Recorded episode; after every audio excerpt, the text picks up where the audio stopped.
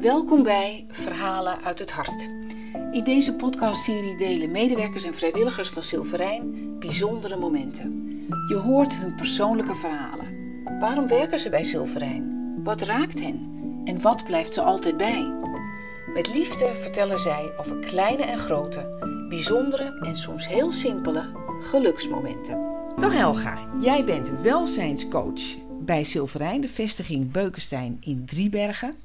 Jij gaat vandaag een verhaal vertellen over een meneer Asmara. Wij zijn heel benieuwd. Maar we beginnen met een andere vraag. Hoe komt het dat jij voor dit werk hebt gekozen?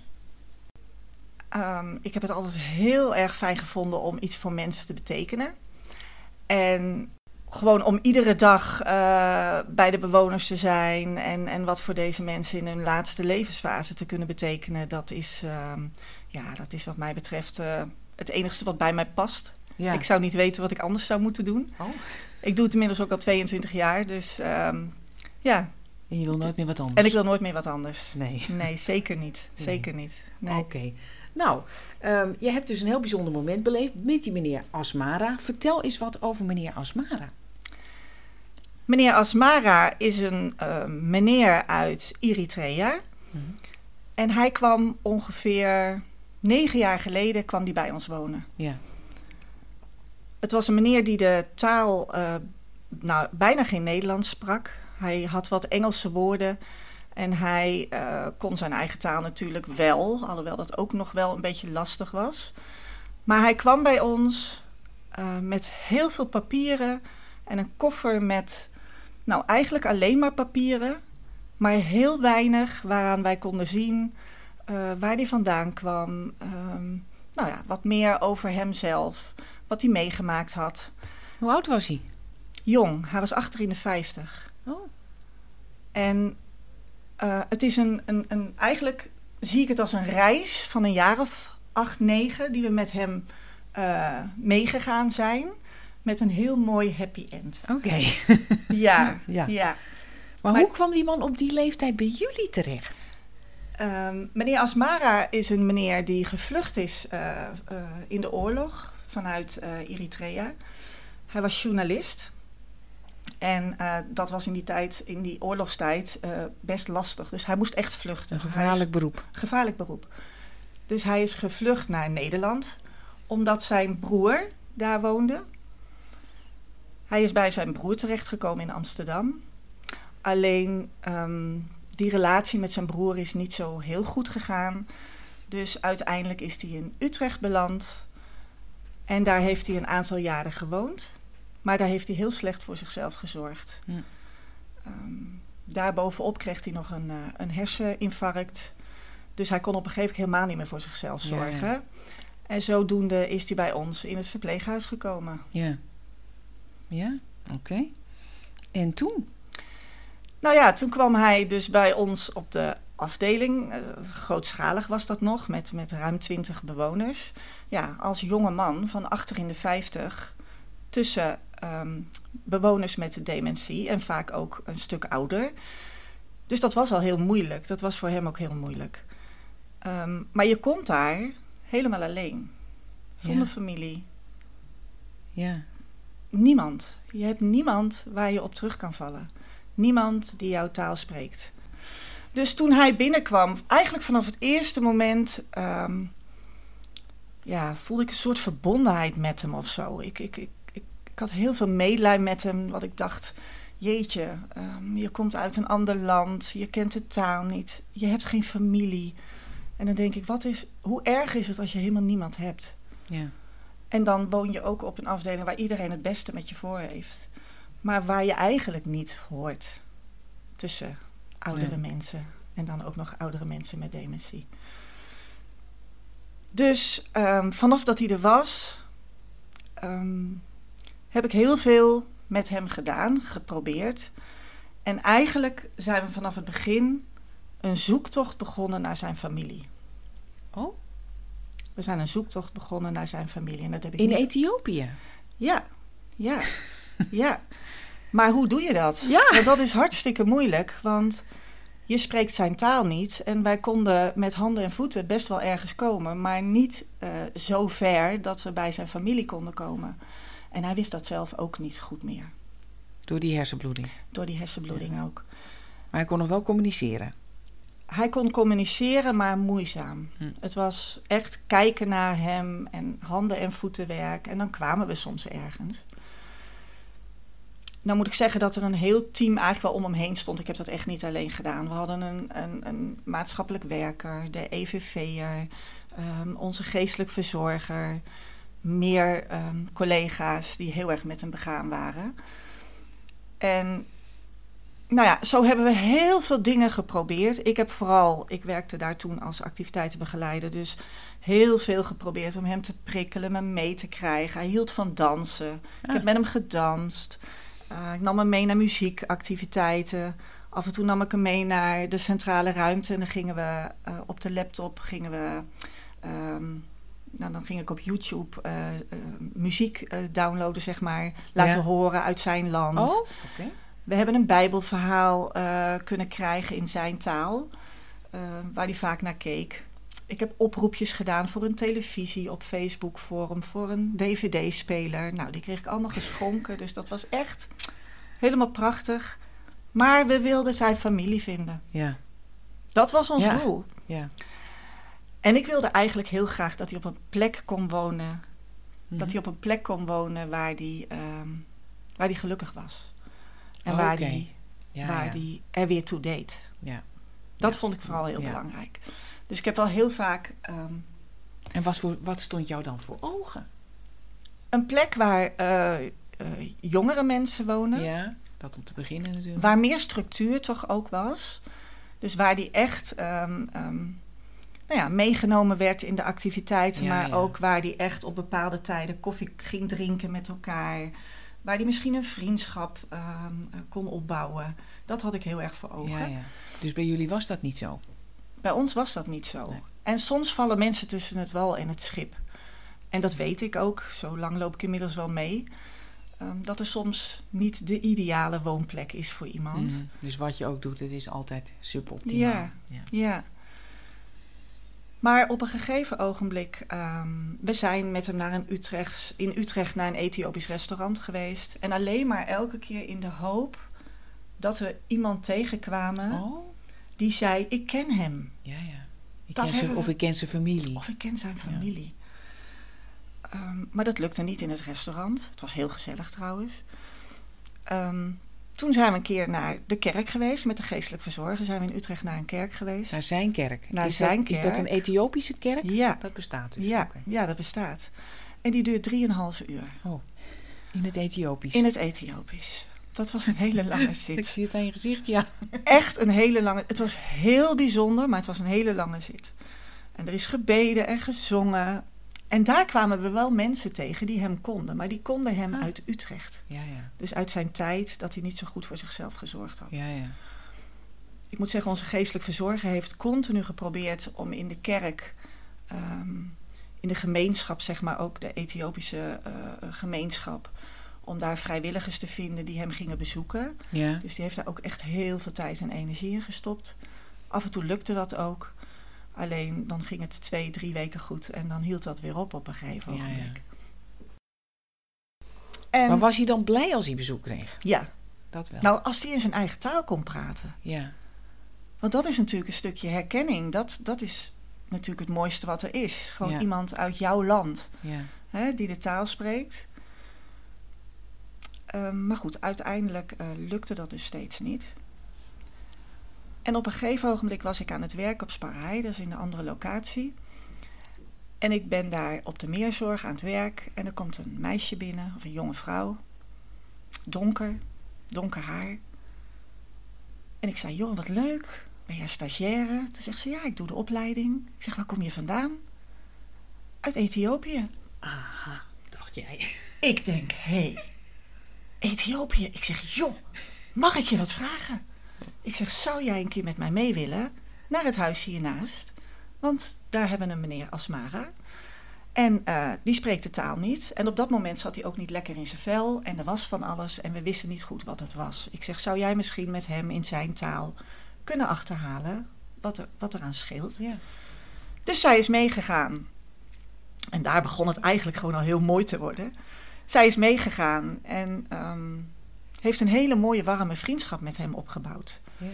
En zij bezocht hem heel vaak. En soms ging ze met haar zus en soms nam ze haar zoontje mee. En dan gingen ze een stukje wandelen. Ze nam eten voor hem mee. Ja. Ze eten daar natuurlijk heel specia- speciaal eten, niet, niet wat wij Ja, eten. Aardappel en groenten. Geen aardappelen en groenten. En op een gegeven ogenblik zei zij: Ik ga een filmpje opnemen. Want ik heb een heel groot netwerk op Facebook van Oh. Ethiopische gemeenschap Ja, in Nederland of de, in? Nederland. Of nou ja, Ja. uiteindelijk gaat dat natuurlijk steeds verder. Dat zit wel Ja. over de hele wereld. Dus zij heeft op een, eh, op een middag is zij met meneer Asmara buiten gaan zitten. En heeft zij eh, in hun taal heeft zij een boodschap ingesproken. Waarin hij ook nog wat gezegd heeft.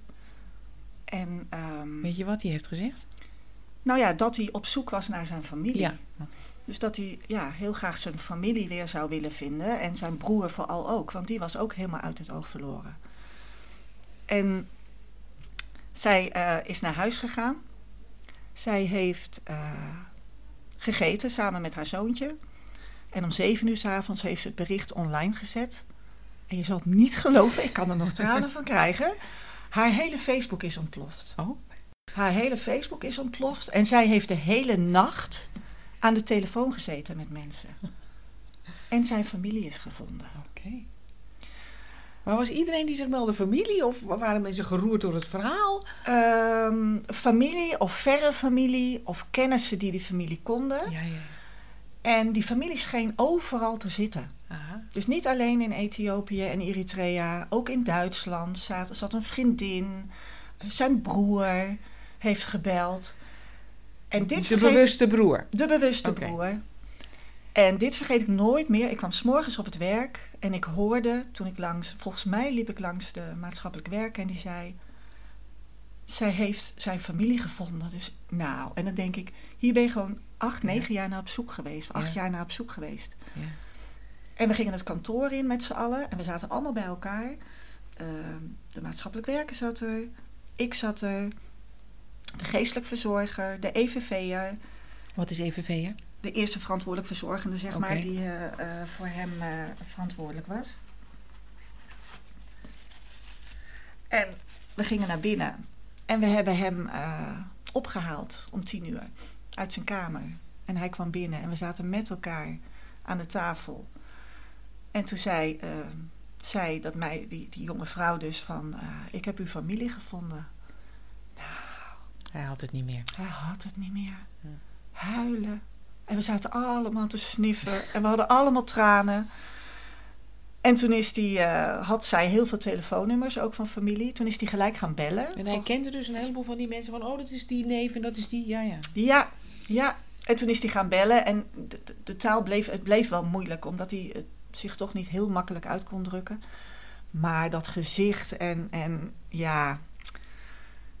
Het is zo mooi dat je daar zo lang naar op zoek bent en dat het dan gewoon uiteindelijk lukt.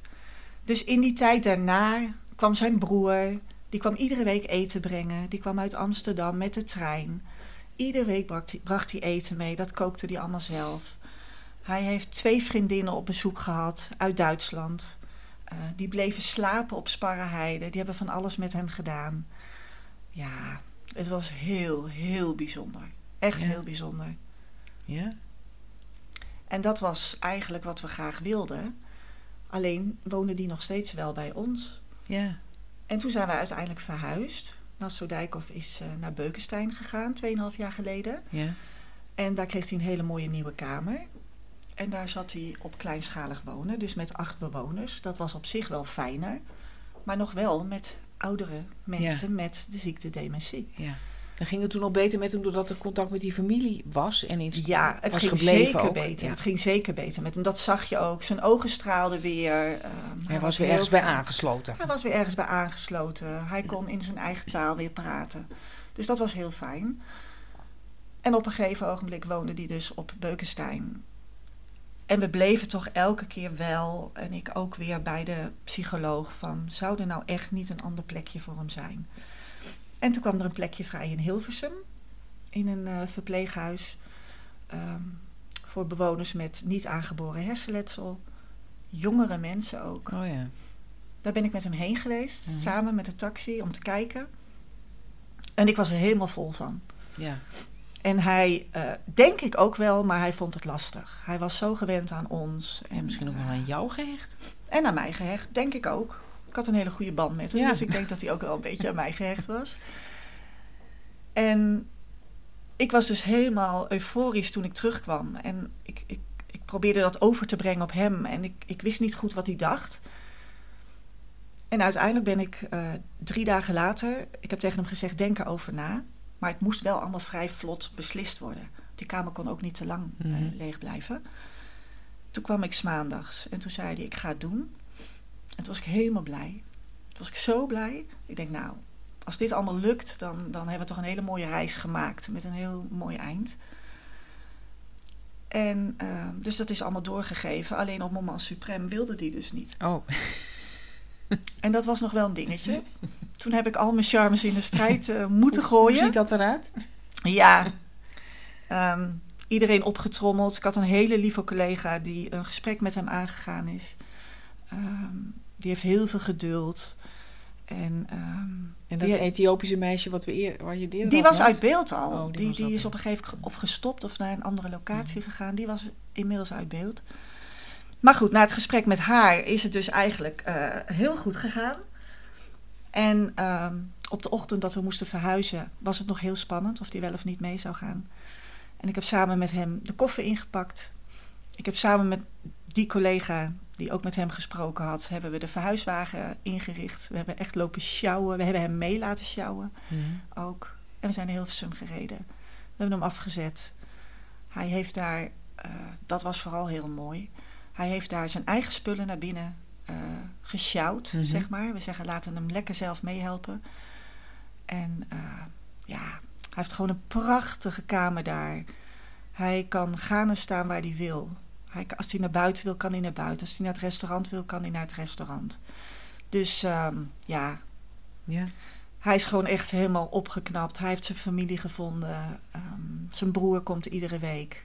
En hij zit op een plek waar hij in ieder geval een stuk gelukkiger is als, eh, als dat hij bij ons was. En hij doet er weer toe. Ja. Dat vooral, hè? ja, maar hoe... Hij heeft een beetje eigen regie weer. Als hij naar buiten wil, kan hij naar buiten. En dat kon natuurlijk niet op een gesloten afdeling. Ah, Dan heb je altijd iemand nodig die met je meegaat. ja, dus hij kan ook weer zelf keuzes maken. Hij kan zelf keuzes maken. Autonomie. Autonomie. En dat Ja. is zo belangrijk. Heb je Dus- nog contact met hem?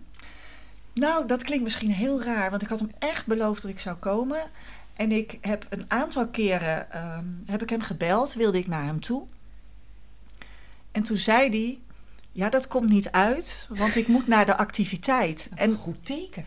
ik was zo blij dat ik niet kon komen, omdat ik wist dat hij wat deed. Ja? Hij- en dat is een paar keer gebeurd, dat hij dus naar een activiteit moest. En laatst heb ik zijn broer gebeld. Maar zijn broer zegt ook dat hij echt, echt een stuk gelukkiger is. Missie Ja. geslaagd. Missie echt geslaagd. Ja, het was een lange reis, maar uiteindelijk met een, eh, met een heel mooi eind. Ja. Fantastisch. En wat heeft deze gebeurtenis jou nou geleerd wat je nog niet wist? Dat er aanhouden wint. En, en dat je nooit op moet geven. Ja. En dat, je het, eh, dat het zo mooi is dat je dat met elkaar doet. Want ik heb het natuurlijk niet alleen gedaan. Nee. Absoluut niet. We hadden gewoon een heel team met elkaar hebben we na zitten denken. En dat vooral. Dus dat, dat, dat samen doen, maar nooit opgeven. Ja. Vooral nooit opgeven. Oké, zo is het. Dankjewel. Graag gedaan.